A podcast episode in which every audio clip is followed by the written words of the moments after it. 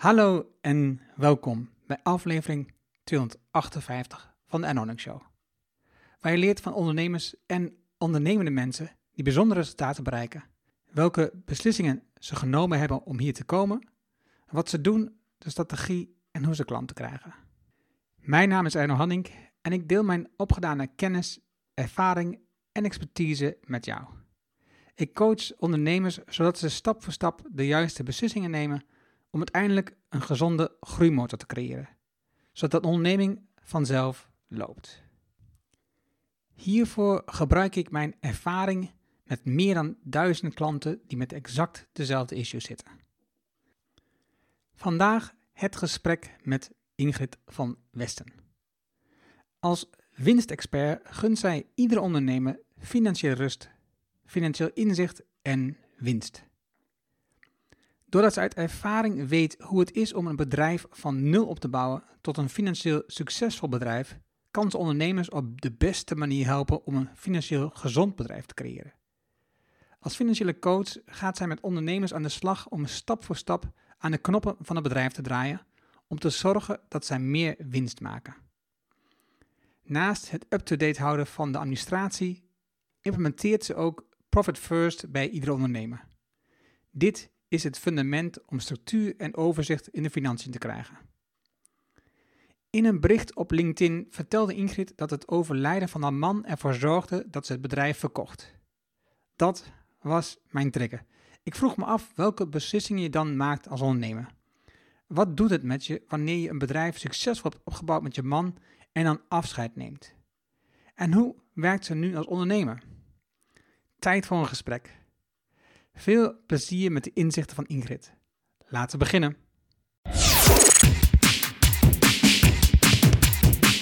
Welkom in de Erno Hamming Show. De podcast waarin je leert over de beslissingen om te groeien als ondernemer met je bedrijf. Luister naar de persoonlijke verhalen van succesvolle ondernemers en ondernemende mensen. Dan nu jouw business coach Erno Hamming.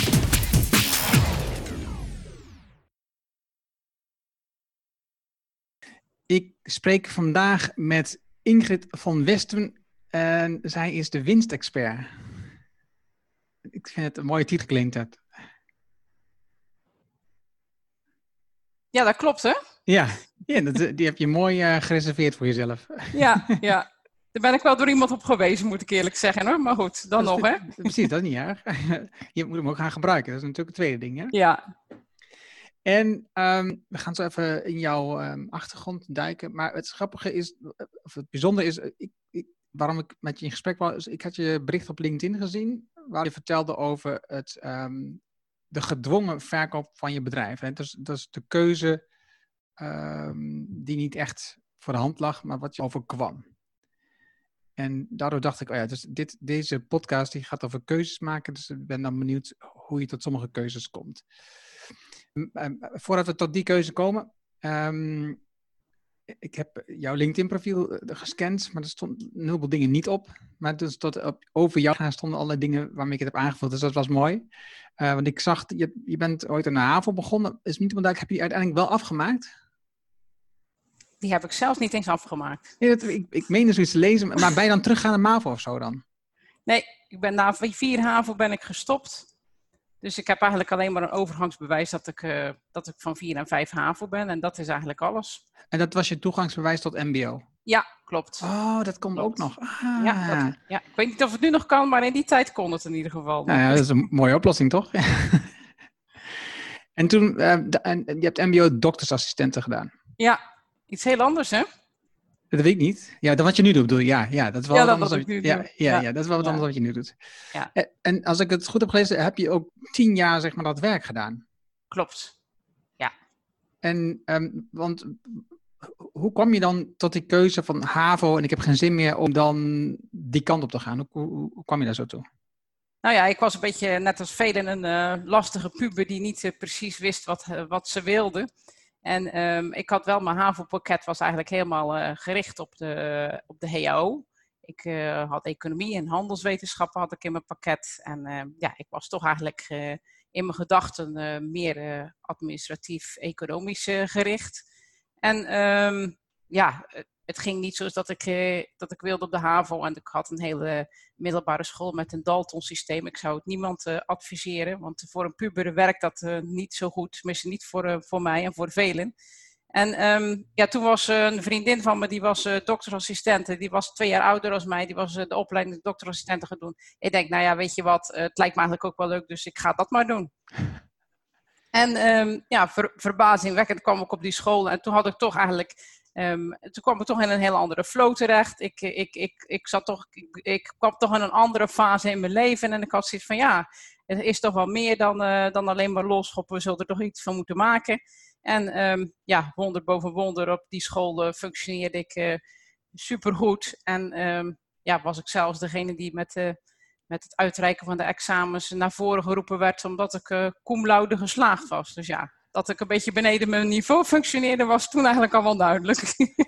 uh, had je dan meer begeleiding op de MBO dan, dan op de Dalton? Op de Dalton? Nee. Nee. Dat is gewoon een verandering die had plaatsgevonden om te zeggen, ja, ik moet gewoon nu echt aan de slag.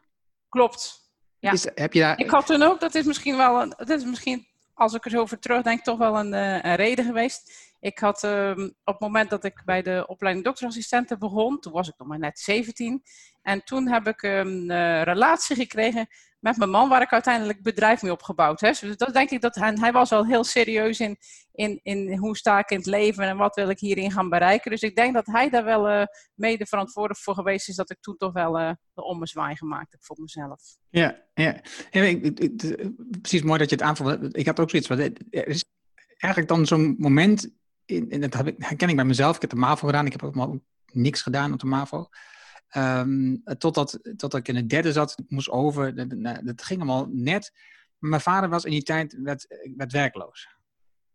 En dus op een manier was dat ergens een pappende trigger. Oké, dus de, dat is niet wat ik wil.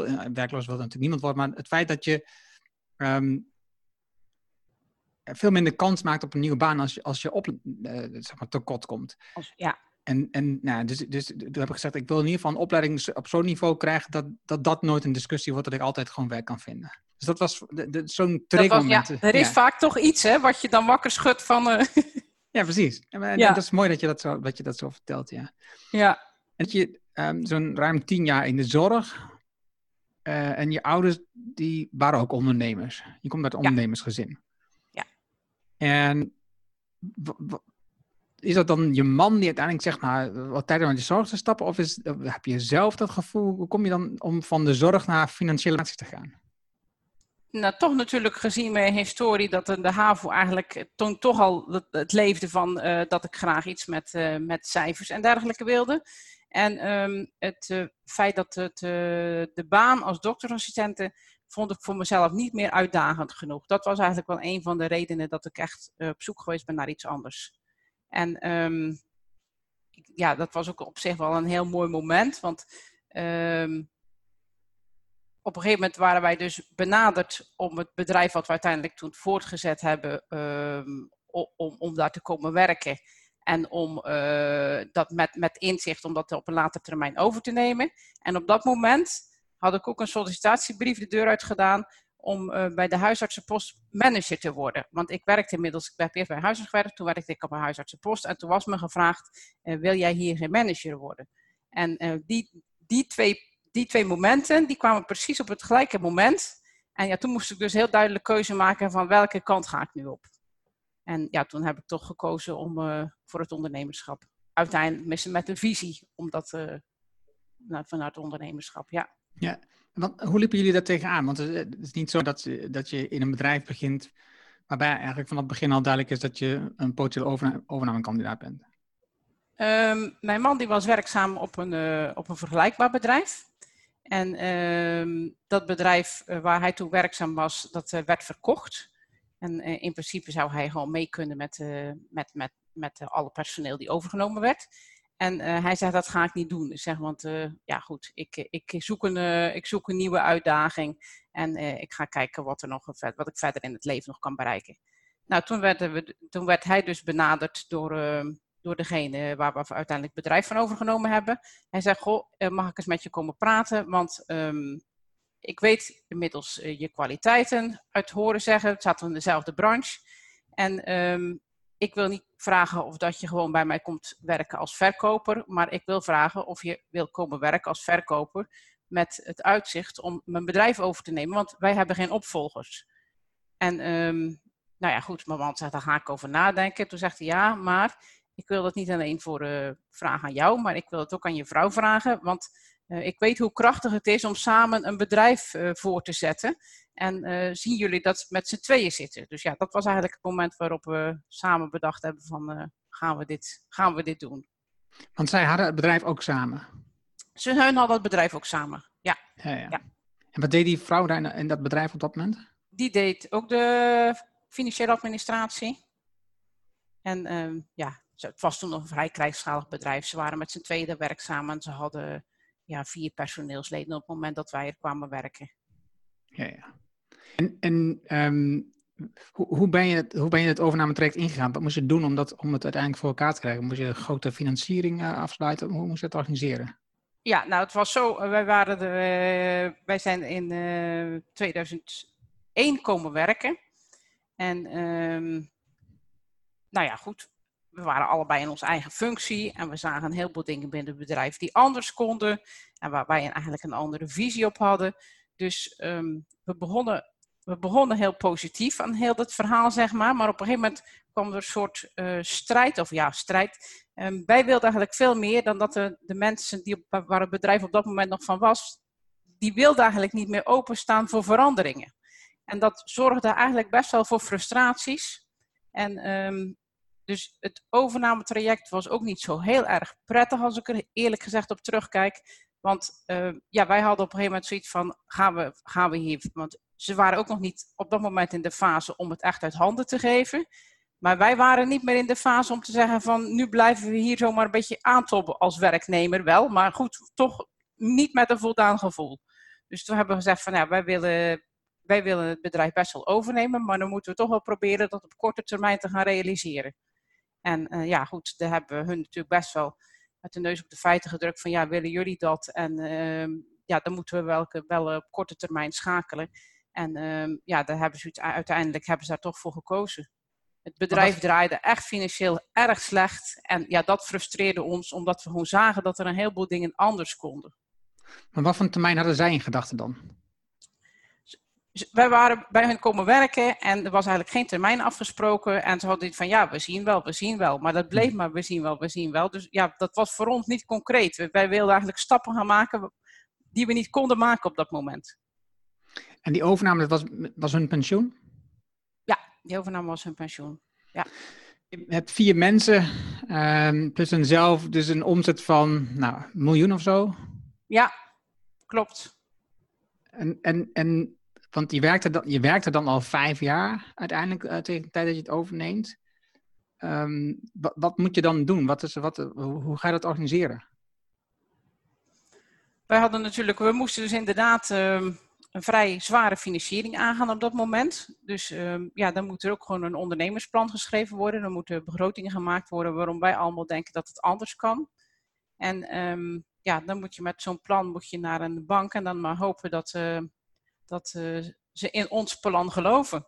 En um, nou ja, we hadden, ik moet zeggen, we hebben eigenlijk alle medewerking gehad, omdat de, de, de, de man waar ze op dat moment een relatie mee hadden met de, met de bank, die, die, die, die zag ook wel dat het niet goed ging. En doordat wij hem konden overtuigen van wat er allemaal anders kon in het bedrijf, eh, zijn ze toch meegegaan in het financieren van de bedrijfsovername.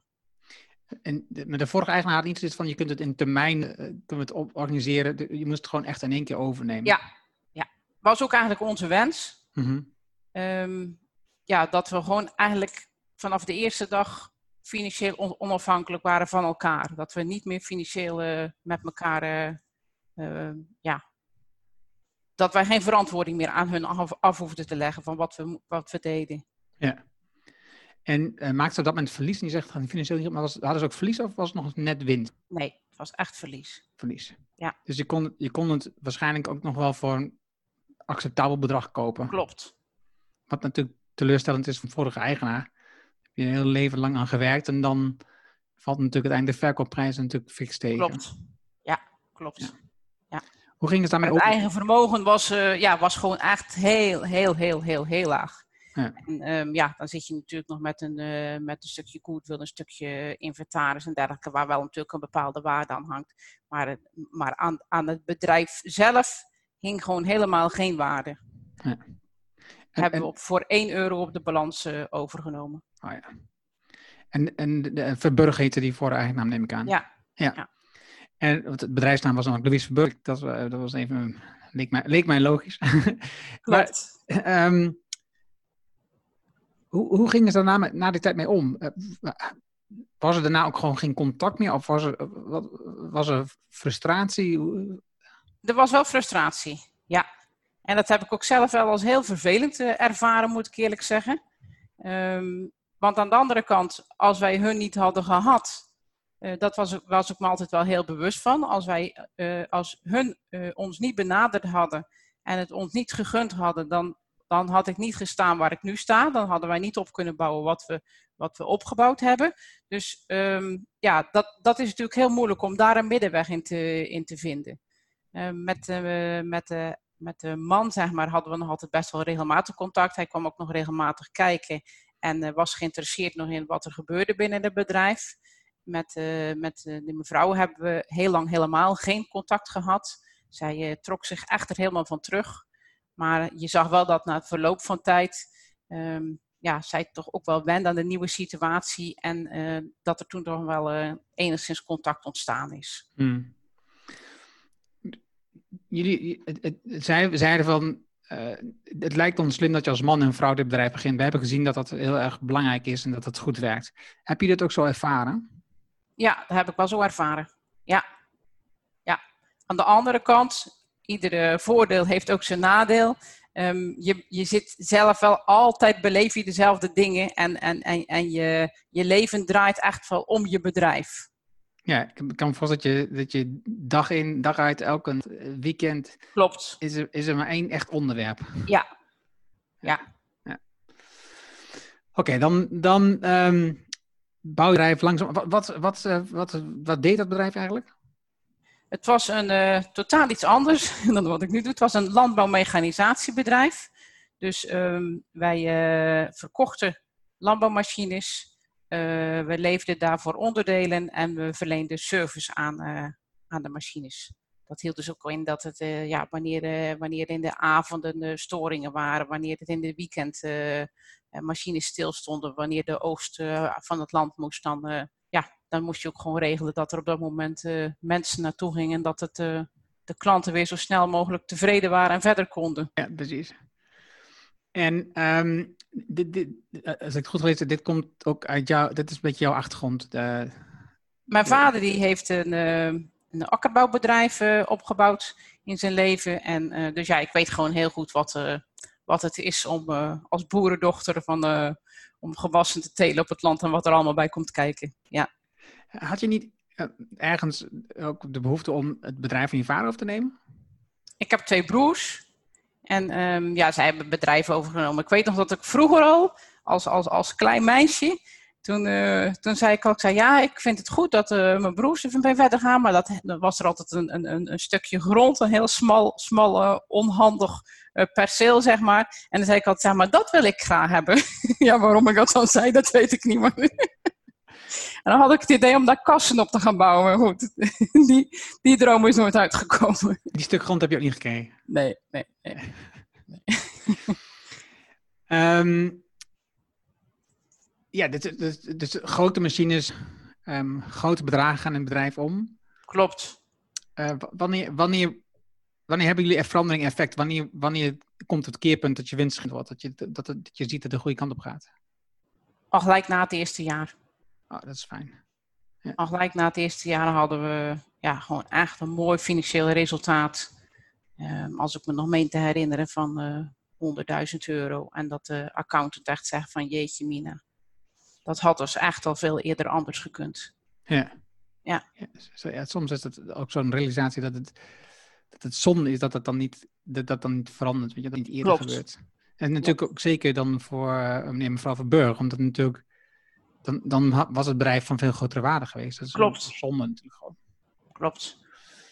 Wat heb je daarna nog allemaal gedaan in het bedrijf? Wat heb je veranderd? Want je bent van vier mensen tot 16 mensen gegroeid. Ja, Ehm, ja, we hadden gewoon ehm, heel veel mensen die bij, bij ons klant wilden worden. We hadden dealerschappen die we uitgebreid hebben en waardoor we over een uh, grotere rayon natuurlijk uh, um, service verleenden. En ja, het was gewoon, uh, het, was gewoon, het was gewoon een goed draaiend bedrijf met, met, met, met, met, met heel veel klanditie. En daardoor moesten we constant groeien in personeel. Want hoe groot was je, je rayon? Uh, ons rayon, dat is natuurlijk in die tijd, uh, of misschien dat is nog steeds heel afhankelijk van, van de dealerschappen die je, die je beheert. En uh, afhankelijk van het dealerschap krijg je een rayon toegewezen. En uh, ons grootste rayon was op het gebied van uh, aardappelmachines. En um, dat betrof eigenlijk heel Zeeland, met uitzondering van het onderste eilandje Zeeuws-Vlaanderen, maar voor de rest was het heel Zeeland. En um, ja, dat was ook eigenlijk het merk Grimme en dat heeft ons ook eigenlijk uh, groot gebracht, moet ik eerlijk zeggen. Als we dat niet hadden gehad, dan, hadden we, ja, dan was het bedrijf toch veel kleiner gebleven. En hoe snel haalde je dat bedrijf, die, dat grap aan boord? Uh, dat, dat, dat dealerschap was al aan boord, okay. maar er was, binnen de organisatie was er heel veel uh, veranderingen in, in, in het opzetten van, uh, van, van ja, hoe ze de structuur onder de dealers gingen ver, veranderen, zeg maar.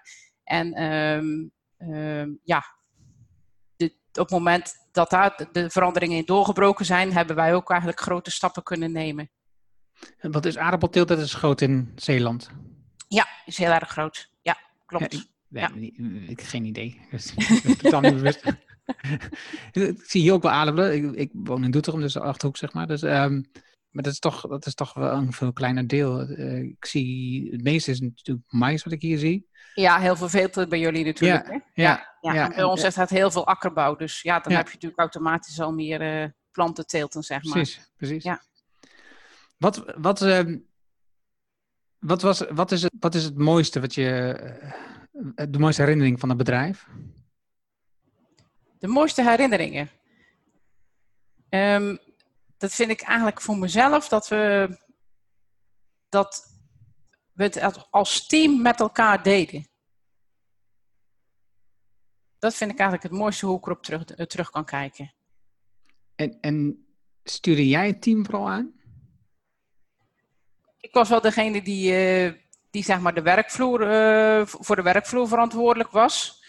Um, maar vooral, ik, ik, bedoel met name van uh, dat we het met het team voor elkaar deden, dat we heel veel uh, zaken deelden met onze personeel. En dat we daardoor ook, um, dat er ook absoluut geen hiërarchie was. En dat we, ja, dat we veel voor elkaar over hadden. Wat voor en, zaken deel je, deel je dan zo bijvoorbeeld? Nou ja, we, we dronken bijvoorbeeld, uh, we, hadden echt vaste tijden waarop we met, uh, met, met heel de club even uh, koffie dronken. En wanneer, als mijn man dan bijvoorbeeld bezig was met een deal van een grote machine, dan, dan, dan deelde hij dat met, met de mannen. En ja, dat werd altijd gewoon enorm gewaardeerd. Er was heel veel, ja, er was heel veel ruggespraak ook. wanneer hij problemen had of dingen, aanpassingen wilde doen, uh, dan overlegde hij met de mannen van hoe zien jullie het, hoe kunnen we dat het beste aanpakken. En ja, daardoor, ja, daardoor eh, creëer je wel een hele harmonie met z'n allen. Mm-hmm. jullie, deel je ook je cijfers? Ja. Dat zie, ja. dat zie je namelijk ook, dat benieuwde mij, dat interesseerde mij echt enorm, dat, dat zie je namelijk ook heel veel niet gebeuren. Eén keer per jaar dan ja, op een eenvoudige manier natuurlijk, maar dan, dan, dan legde ik wel uh, precies uit van wat er gebeurd was in dat jaar en hoe we gegroeid waren en ja, goed, hoe, hoe ik dan uh, dingen weer zag voor een volgend jaar om aan te werken. En ja, dat deelden we inderdaad wel in een gesprek altijd, ja. Oké, dan, dan kom daar, nou, ik kan inschatten, een van de meest lastige momenten, meest dramatische momenten weet te gaan. In 2013 wordt bij een man uh, slokdarmkanker geconstateerd. Um, dat is natuurlijk een, een moment in je leven waarbij, uh, waarbij alles verandert. Waarbij je hele gevoel van de toekomst en alles staat in één keer te schudden op zijn grondvesten. Klopt. Klopt. Ja. Um, wat, voor, wat voor maatregelen tref je dan? Want je, was het al vrij snel duidelijk dat dit niet, niet op te lossen niet te genezen was? Nou, eigenlijk niet. Hmm. Um, in eerste instantie was er toch eigenlijk best nog wel, uh, best nog wel hoop dat er, uh, ja, dat, er, dat, dat er, dat er uh, verbetering in kon komen of dat hij, dat hij kon genezen. Ehm, ehm, ja, goed, er gaat een heel traject in waar, waar, waar hij, ja, waardoor de behandelingen plaatsvinden, operaties plaatsvinden. Ja, allemaal heel ingrijpend. En um, ik wist zelf eigenlijk al op het moment dat de, dat de operatie plaatsgevonden had en het uh, en de pathologisch onderzoek besproken werd en dat de chirurg zei van uh, alles is wel alles is verwijderd, maar de, de, de snijranden zijn zo klein dat de tijd gaat bepalen of dat u dit gaat redden. De tijd wordt uw beste vriend. Hè? Ze zeggen natuurlijk over een termijn van vijf jaar. Van, uh, ja, mocht het dan niet terug zijn, dan kun je eigenlijk wel uh, hopen dat je genezen bent. En um, de, de zorg die toen op zijn gezicht uh, van die chirurg, wat hij uitstraalde, daarvan had ik al gelijk zoiets van: dit gaan we niet redden. En mijn man die was super positief. Die is echt tot het laatste toe, uh, heeft hij heel positief in het leven gestaan. En um, hij heeft er echt voor gevochten om dat het tegendeel te bewijzen.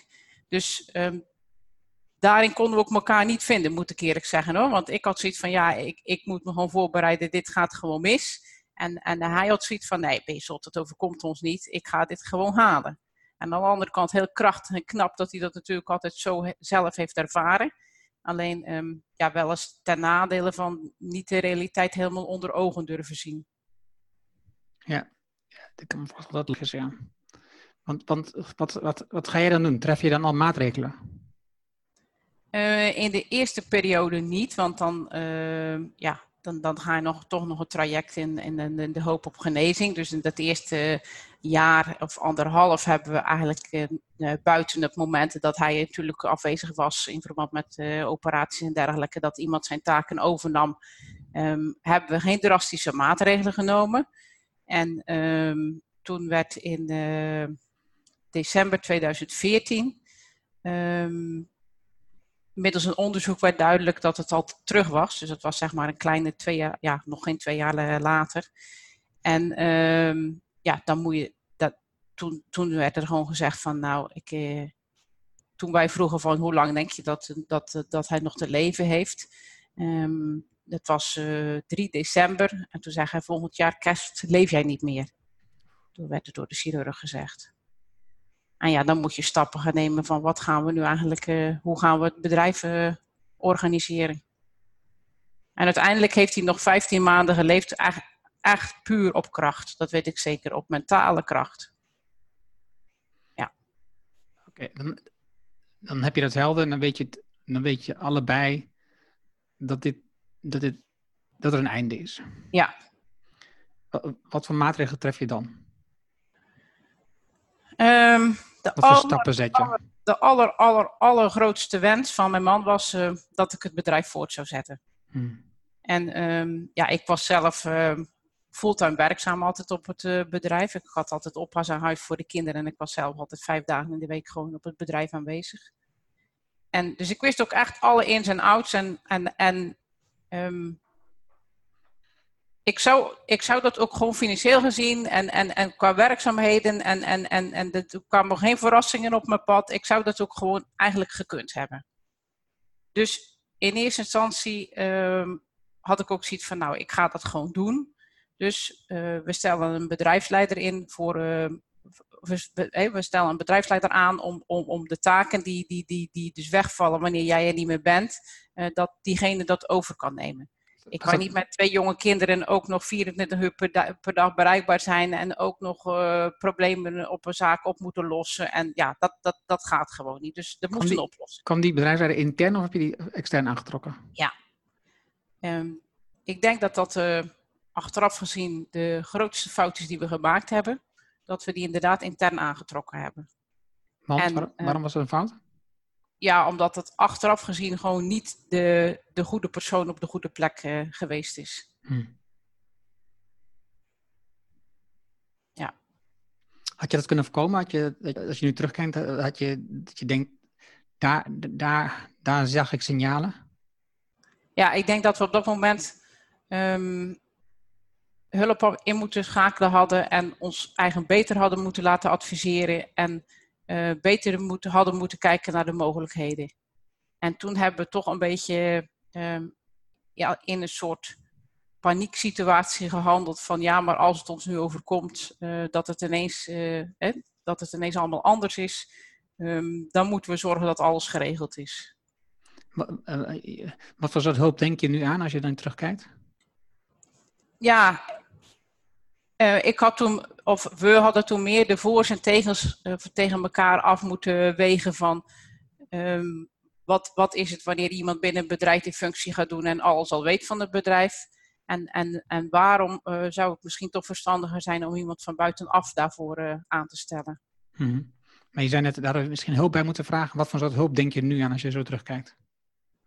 Ja, nou ja, er zijn zoveel mensen die natuurlijk met zo'n soort situaties te maken hebben. En, en, en, en ja, die, die daarin kunnen adviseren van uh, wat zijn de mogelijkheden.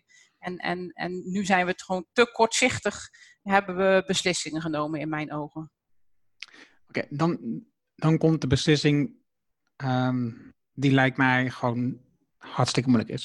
Zeker nu je net uitlegt dat je man de wens had dat je het ging voortzetten dat jij het besluit neemt om uiteindelijk toch te verkopen. Ja. Hoe neem je zo'n beslissing? Um, nou ja, het moment dat de bedrijfsleider functioneerde niet um, naar behoren, tenminste niet um, zoals dat ik het voor ogen had en wat ik van hem verwachtte. ik ben er een paar keer in gesprek over aangegaan en we, verspraken elkaar, elkaar taal niet. Hij voelde niet wat, wat ik voelde. En, en, en ik dacht, dit ga ik niet, uh, ja, dit ga ik niet runnen met hem alleen. En, um, en ik, wat me vooral, als, als ik erop terugkijk, wat me vooral uh, zeer deed, was um, klanten die zagen hem ook niet als aanspreekpunt. Uh, als ze echt problemen hadden, dan belden ze toch nog naar mij. En dan uh, gingen ze toch nog al hun problemen met mij bespreken. En uh, dan, dan kon je op het punt dat ze, ze allerlei technische problemen over mij uitstorten. Terwijl ik gewoon 0% verstand van had. Ja, inmiddels natuurlijk wel een klein beetje door, door alle jaren. Maar niet, ik sprak in ieder geval niet de taal van de klant. En toen had ik zoiets van, dit, dit gaat niet goed.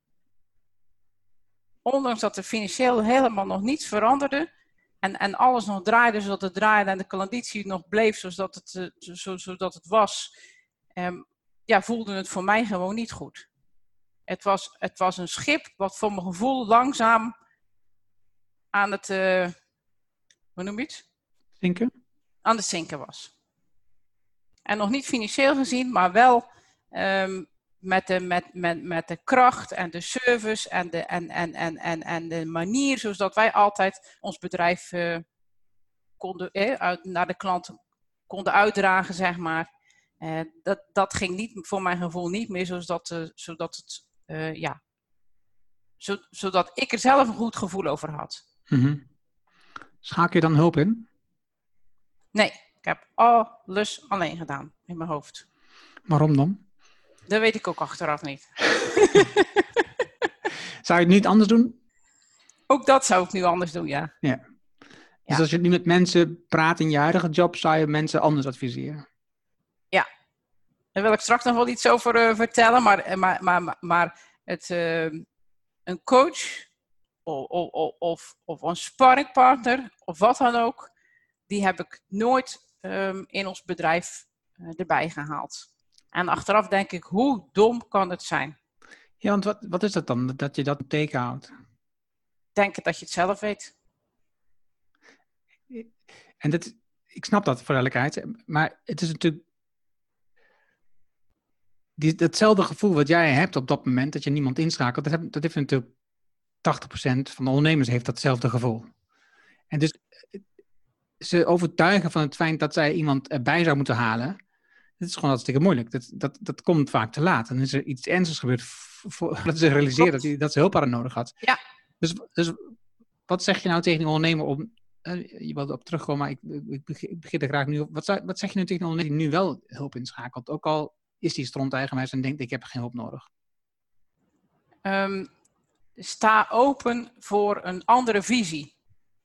En ondanks dat dat dan misschien niet precies is uh, zoals dat je zelf denkt, je haalt er altijd dingen uit waardoor je toch weer op een andere manier tegen de zaken aan gaat kijken.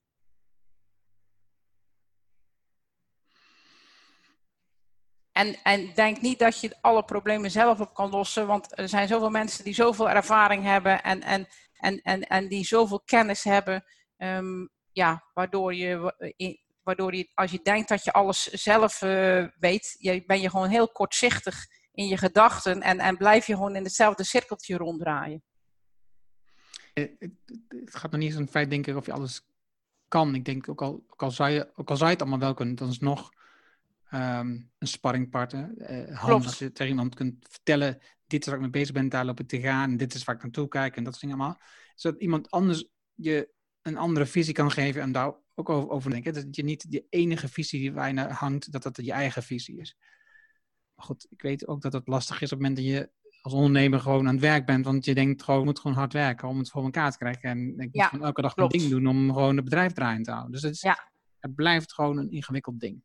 Voor, in mijn ogen was het toen destijds verloren tijd. En, en, en, en dat is het echt niet. Het is hele kostbare tijd juist om dat wel met iemand te delen. Ja. Oké, dan kun je iets uitleggen hoe het dan gaat dat je tot die keuze komt? Um, ik um, had voor mezelf um, eigenlijk drie dingen.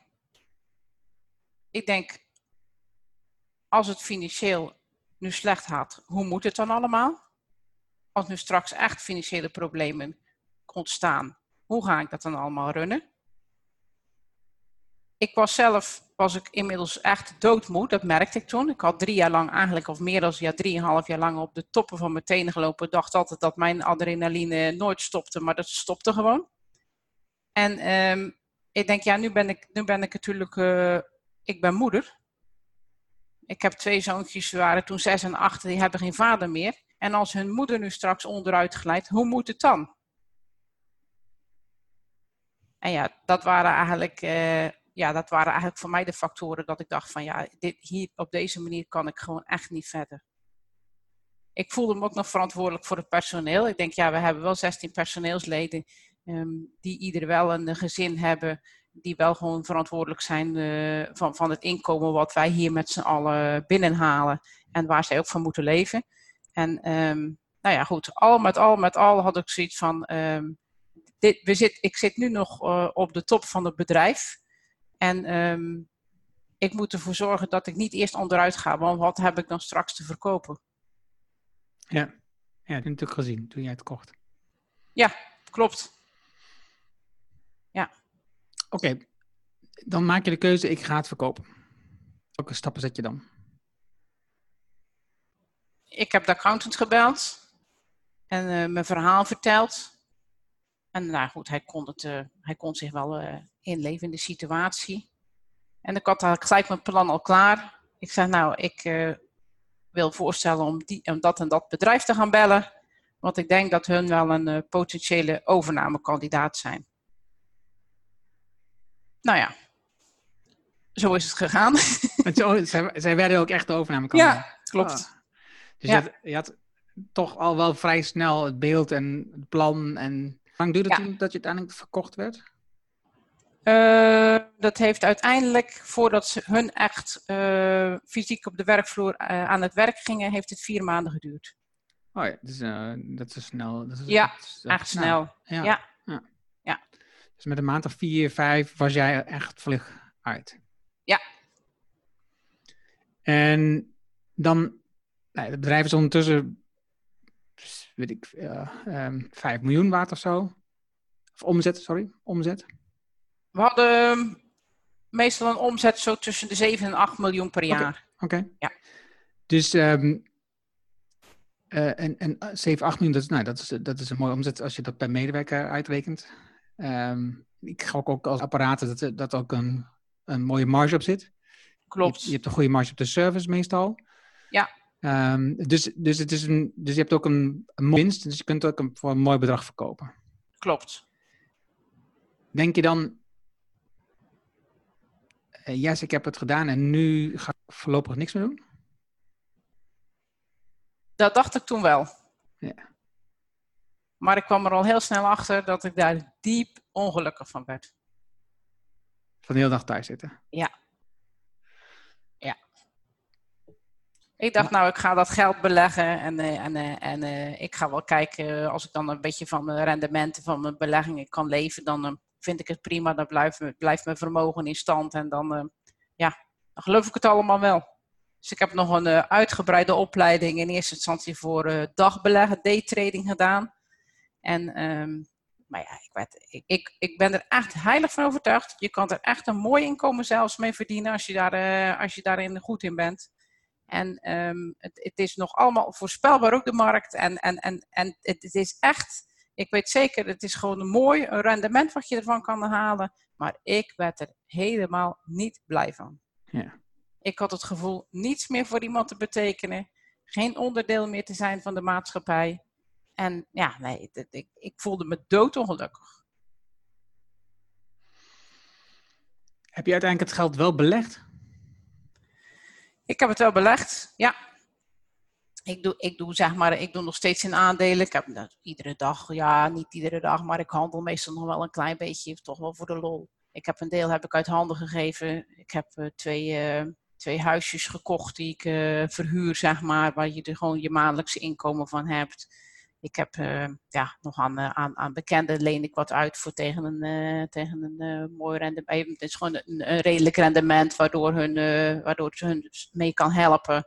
En ja, op die manier ja, heb ik wel mijn vermogen, zeg maar, verdeeld. En een beetje risico's verdeeld ook. Ja, dus je hebt, je hebt een mooie passieve inkomen op de achtergrond liggen. Klopt. Ja. Oké, okay, en dan... Um, besluit je na een jaar of twee om weer echt gewoon uh, een bedrijf te starten. Waarom, hoe kom je tot dat je in, in, in, in zo'n supportfunctie uitkomt? Um, nou, dan raak je natuurlijk wel op een gegeven moment in gesprek met mensen. En dan zei ja, maar ik wil wel wat, maar wat, wat zal ik dan gaan doen? En uh, waar ben ik nou eigenlijk goed in? En uh, nou ja, goed. En dan raak je met wat mensen aan de praat. En dan zeggen ze, ja, maar ja, goed, wat jullie eigenlijk opgebouwd hebben, dat is eigenlijk wel heel... Dat is eigenlijk niet normaal. Zijn nou niet normaal? Nee, want heel veel mensen die bouwen helemaal niet in korte tijd zo'n vermogen op. En, en mensen hebben helemaal geen uh, structuren, geen financiën. En die sturen hun bedrijf niet aan op cijfers. En jij was altijd degene die er altijd dagelijks mee bezig was. En probeerde overal de knoppen te draaien. En ja, dan ga ik heel de film eens terugdraaien en denk, ja, dat klopt ook eigenlijk wel. Want wanneer ik met collega-ondernemers sprak op, op bepaalde dealervergaderingen of wat dan ook, en je vroeg iemand naar hoe staat met je bedrijf, hoe staat er financieel voor, dan wisten ze daar helemaal geen antwoord op te geven. Dan vond ik dat altijd onbegrijpelijk. Ik denk, ja, hoe kun je nu een bedrijf runnen als je niet weet hoe het financieel draait? Nou ja, goed. Ik denk dat uh, acht van de tien die ik sprak, die, die wisten het gewoon niet te vertellen. En ja, toen heb ik bij mezelf denk, nou ja, goed. Dat is inderdaad ook wel waar. En hier kan ik misschien best wel betekenisvol zijn voor mensen om inderdaad wel gewoon uh, met die mensen aan de slag te gaan, om aan de knoppen te draaien. Nou, in eerste instantie dacht ik van ik ga, de, ik ga, de, ik ga dan financiële administratie uitvoeren voor, uh, voor zelfstandigen, zeg maar. En dan probeer ik hun uh, met hun kleinere bedrijfjes te helpen om financieel gezonder te zijn. En, maar ja, goed, daar had ik eigenlijk geen daar had ik toch na verloop van tijd niet echt een voldaan gevoel bij. Ik denk, ja, ik wil eigenlijk gewoon nog meer.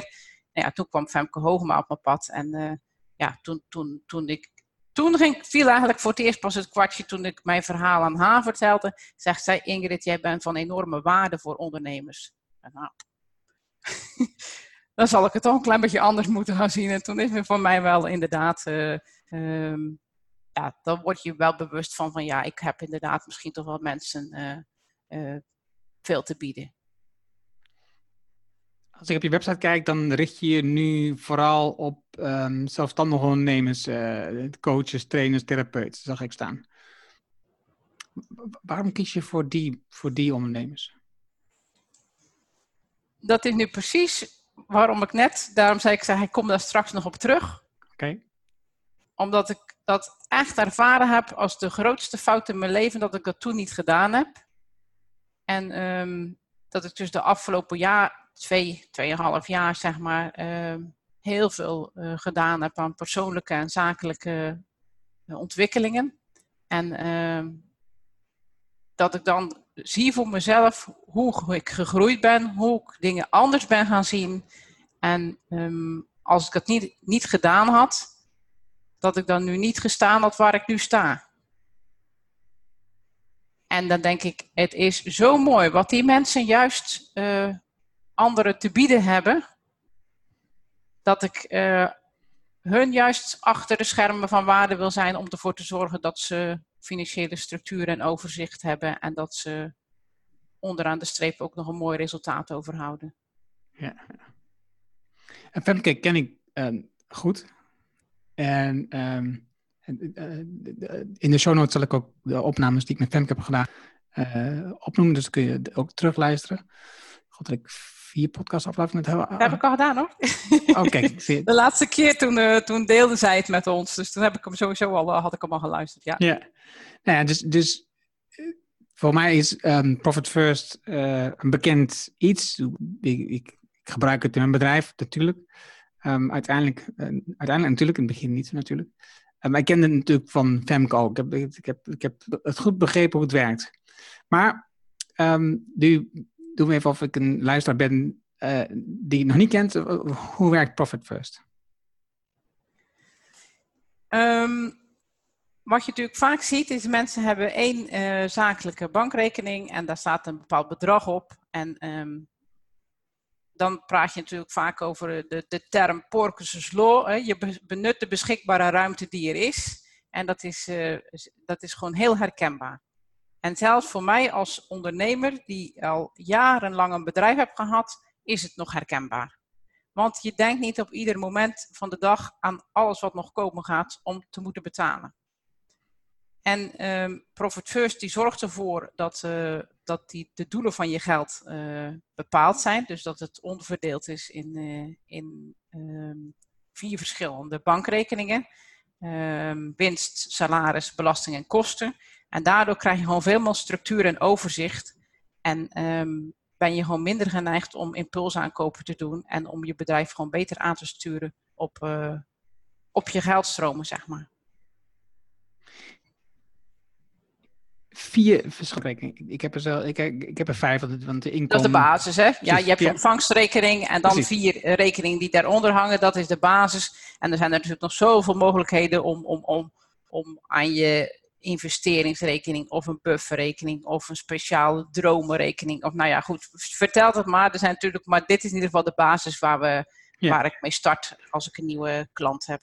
En, en het was in eerste instantie dat je denkt van, bankrekening. Dat is toch gewoon niet vier bankpasjes, uh, vier keer afschriften afdrukken en al dat allemaal verzamelen. Dus uh, elke keer overboeken. Een onzin gewoon. En, en, en het lijkt ook alsof je gewoon of je, of je meer werk hebt dan minder. In eerste instantie. Hoe help je mensen bij deze kronkel? Deze denkkronkel?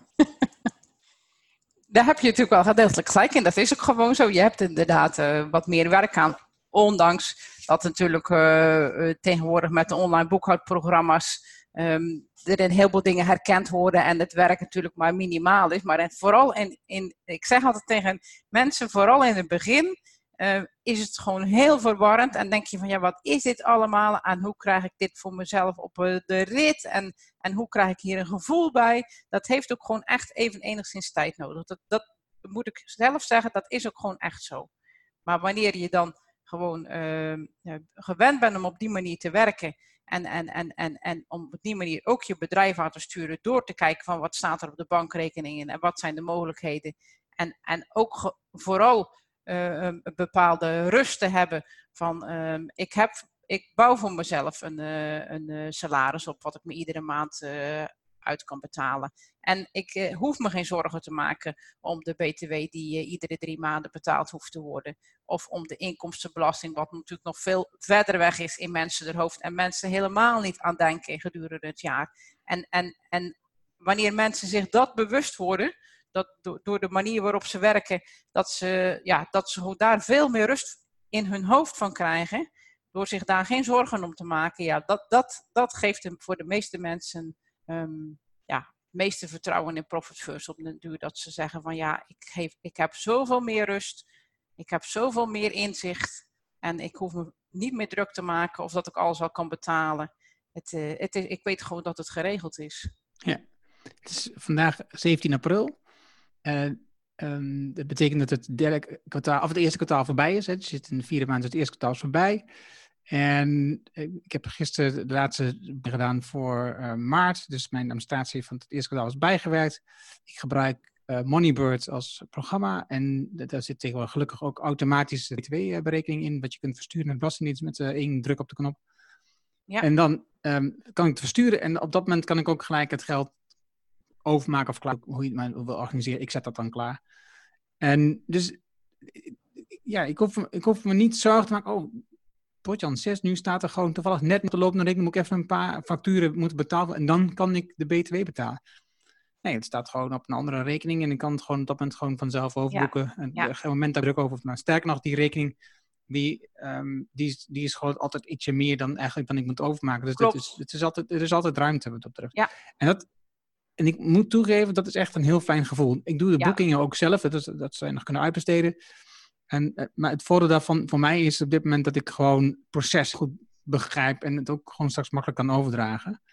En het voordeel met, uh, met KNAP dus de bank die erbij gebruikt, is ook dat Klopt. de combinatie met KNAP, je kunt, uh, je kunt de boekingen kun je automatisch importeren. Dat kan natuurlijk bij veel banken. Maar Moneybird koppelt ook heel veel van die facturen vanzelf al aan de boeking in de ja. Ja. Dus, uh, dat is, je hebt eigenlijk in de kern heb je niet zo heel veel werk meer aan je boekhouding. Klopt.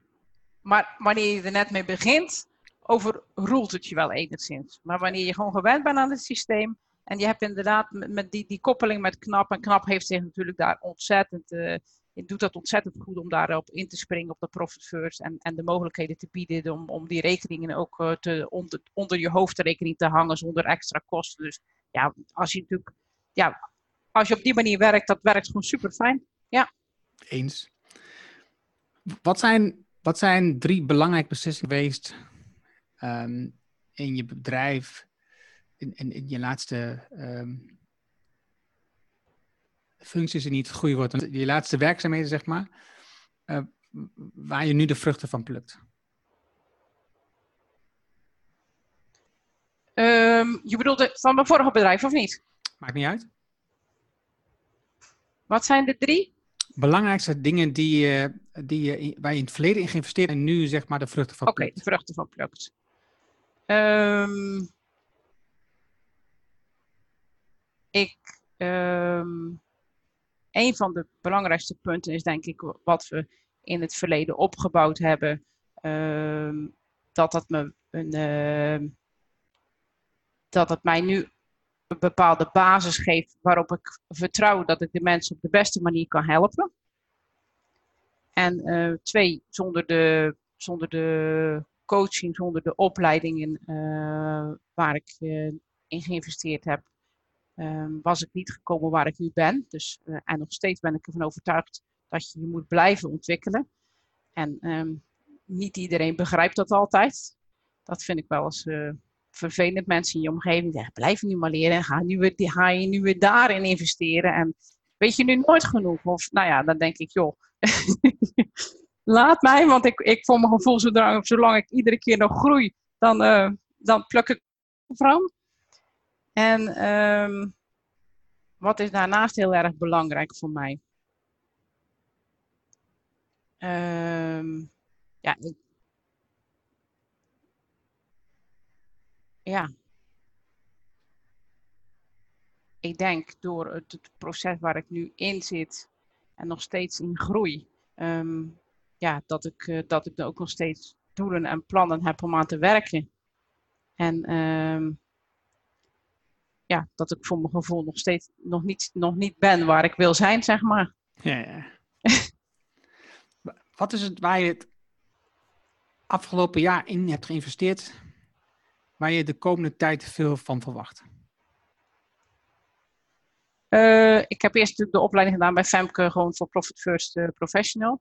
En ik heb er uh, daarna bewust voor gekozen om dit jaar in 2020 dus in haar één op één mastery traject stappen. En ehm, omdat ik gewoon heel veel ehm, bewondering heb voor, voor Femke als persoon. eh, hoe ze is, eh, wat ze heeft opgebouwd. En ehm, dat ik ervan overtuigd ben dat ik van haar nog heel veel kan leren. Mooi, mooi. Als je terugkijkt in al die beslissingen die je hebt genomen in die periode, wat is, wat is één beslissing waar je zegt, nou, dat, ik, dat had ik beslist anders moeten doen? Dat is die bedrijfsleider waar ik het over had. Hmm. Dat hadden we echt anders moeten doen. En aan de andere kant ehm, ben ik toch blij met de keuze die ik toen heb gemaakt. Ik heb geen spijt van dat ik het bedrijf verkocht heb. Nee, nee, nee. Spijt is ook denk ik niet iets. Ik, ik ben niet zo van de spijt. Je maakt keuzes, die, je maakt keuzes op dat moment die goed zijn. Ja, en, en het, dan- is de, het is de beste keuze geweest. Ja, precies. Op Ja. dat moment is dat de keuze. En, en dat je achteraf denkt, ehm, dat had ik anders gekund. Dat is mooi achteraf. Weet je? Eh, hier hebben ze een heel mooie uitspraak. Achteraf kunnen... kunnen nee, laat ik me niet herhalen. Dat is, eh, niet echt uh, voor herhaling vatbaar. Ehm, jij, jij leert veel, je leest waarschijnlijk daar ook veel. Wat, Ja. is, een- wat is een boek wat jij de laatste jaar veel hebt weggegeven of misschien wat heel veel impact op je heeft gemaakt? Dat zijn er wel meerdere natuurlijk. Nou, kies Maar- eens maar eentje dan. Eentje die ik eh, tegenwoordig ook altijd geef als ik eh, een eh, nieuwe klant heb, is het boek van Femke Winstgevende Plannen. Oké, uiteraard. En, ja, en ehm, dat is voor mijzelf ook een eye-opener geweest. oké, wat was de eye-opener? Dat ehm, wanneer je geen plan hebt, wanneer je niet duidelijk voor ogen hebt waar je heen wil, dan ga je er ook niet komen. En aan de andere kant, in het verleden zijn we ook wel gekomen waar we, waar we wilden zijn. Maar, maar ik denk, ehm, als ik dat dan nu terug, terugzet, dan denk ik van ja, hoe, het, hoe, hoe ik dat toen zonder hulp en zonder coaching gedaan dat weet ik niet meer. Maar goed, het is gelukt.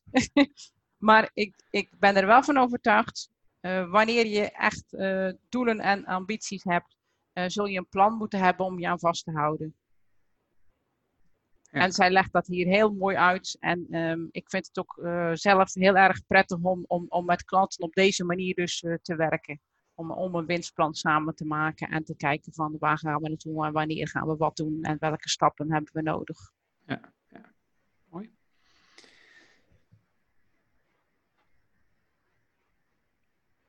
Ja, ik heb nog één vraag om af te sluiten.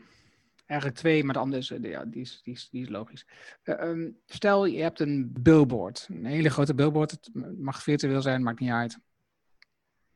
En jij zou daar een bericht op mogen plaatsen wat niet commercieel is. Waarop staan. Wat niet commercieel is. Ja.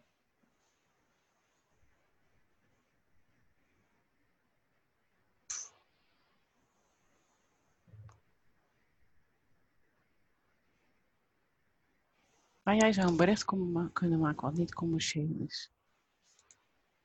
Ehm.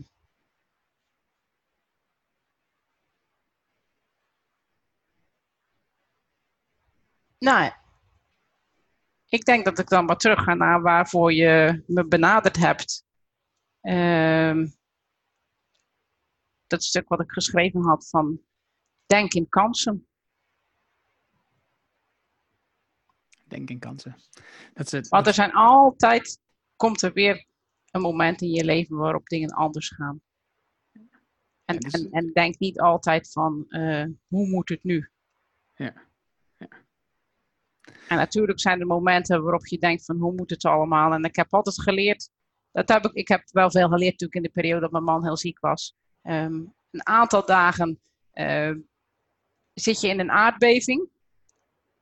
En dan land je weer en kun je weer eh, op een andere manier naar de situatie kijken. En kun je kijken hoe gaan we verder. Een beetje vergelijkbaar natuurlijk met de periode nu. Met het Klopt. En coronavirus. daarom herkende ik er heel veel dingen in. Snap ik. Hoe mensen reageren en hoe mensen dan ineens eh, niet meer weten hoe het moet. En angst hebben. Ehm, nou ja, goed. En alles wat erbij komt. Dat snap ik. Ingrid, waar kunnen mensen jou het beste bereiken? Waar kunnen mensen mij best bereiken? Ehm, via mijn website of eh, via LinkedIn. Ik vind LinkedIn een heel mooi eh, social medium, zeg maar. En ehm, ik deel er graag dingen op. Ingrid van Westen, W-E-S-T-E-N van Westen. Super, dankjewel voor uh, deze inkijk in die moeilijke periode voor jou en ook de keuze die je hebt gemaakt en, en de optimistische kijk die, uh, die je hebt op, op de situaties en ook door de omstandigheden dat je nadenkt. Er zijn altijd weer kansen. Klopt. Dankjewel. Graag gedaan. Dat was het bijzondere gesprek met Ingrid. Je vindt de namen en links die we noemden in het artikel dat bij deze uitzending hoort. Ga daarvoor naar ernohanning.nl slash show 258. Wil je vanzelf automatisch de volgende afleveringen op jouw telefoon krijgen? Dat is heel eenvoudig. Heb je een iPhone, dan zit daar standaard de Apple Podcast app op. Open deze en klik op het vergrootglas, zoek op de Ernohanning Show. Heb je een Android-telefoon, ook eenvoudig, installeer dan eerst bijvoorbeeld de Player FM app. Open die, zoek de Ernohanning Show en klik op abonneer. Dankjewel alvast voor het volgen. Heb je vragen, opmerkingen, reacties op deze aflevering met Ingrid of over de podcast in het algemeen? Stuur dan een e-mail naar podcast.ernohanning.nl. Ik hoor super graag van jou. Leer welke beslissingen belangrijk zijn rondom een crisis. Wil jij leren hoe je sterker uit deze crisis komt met je team?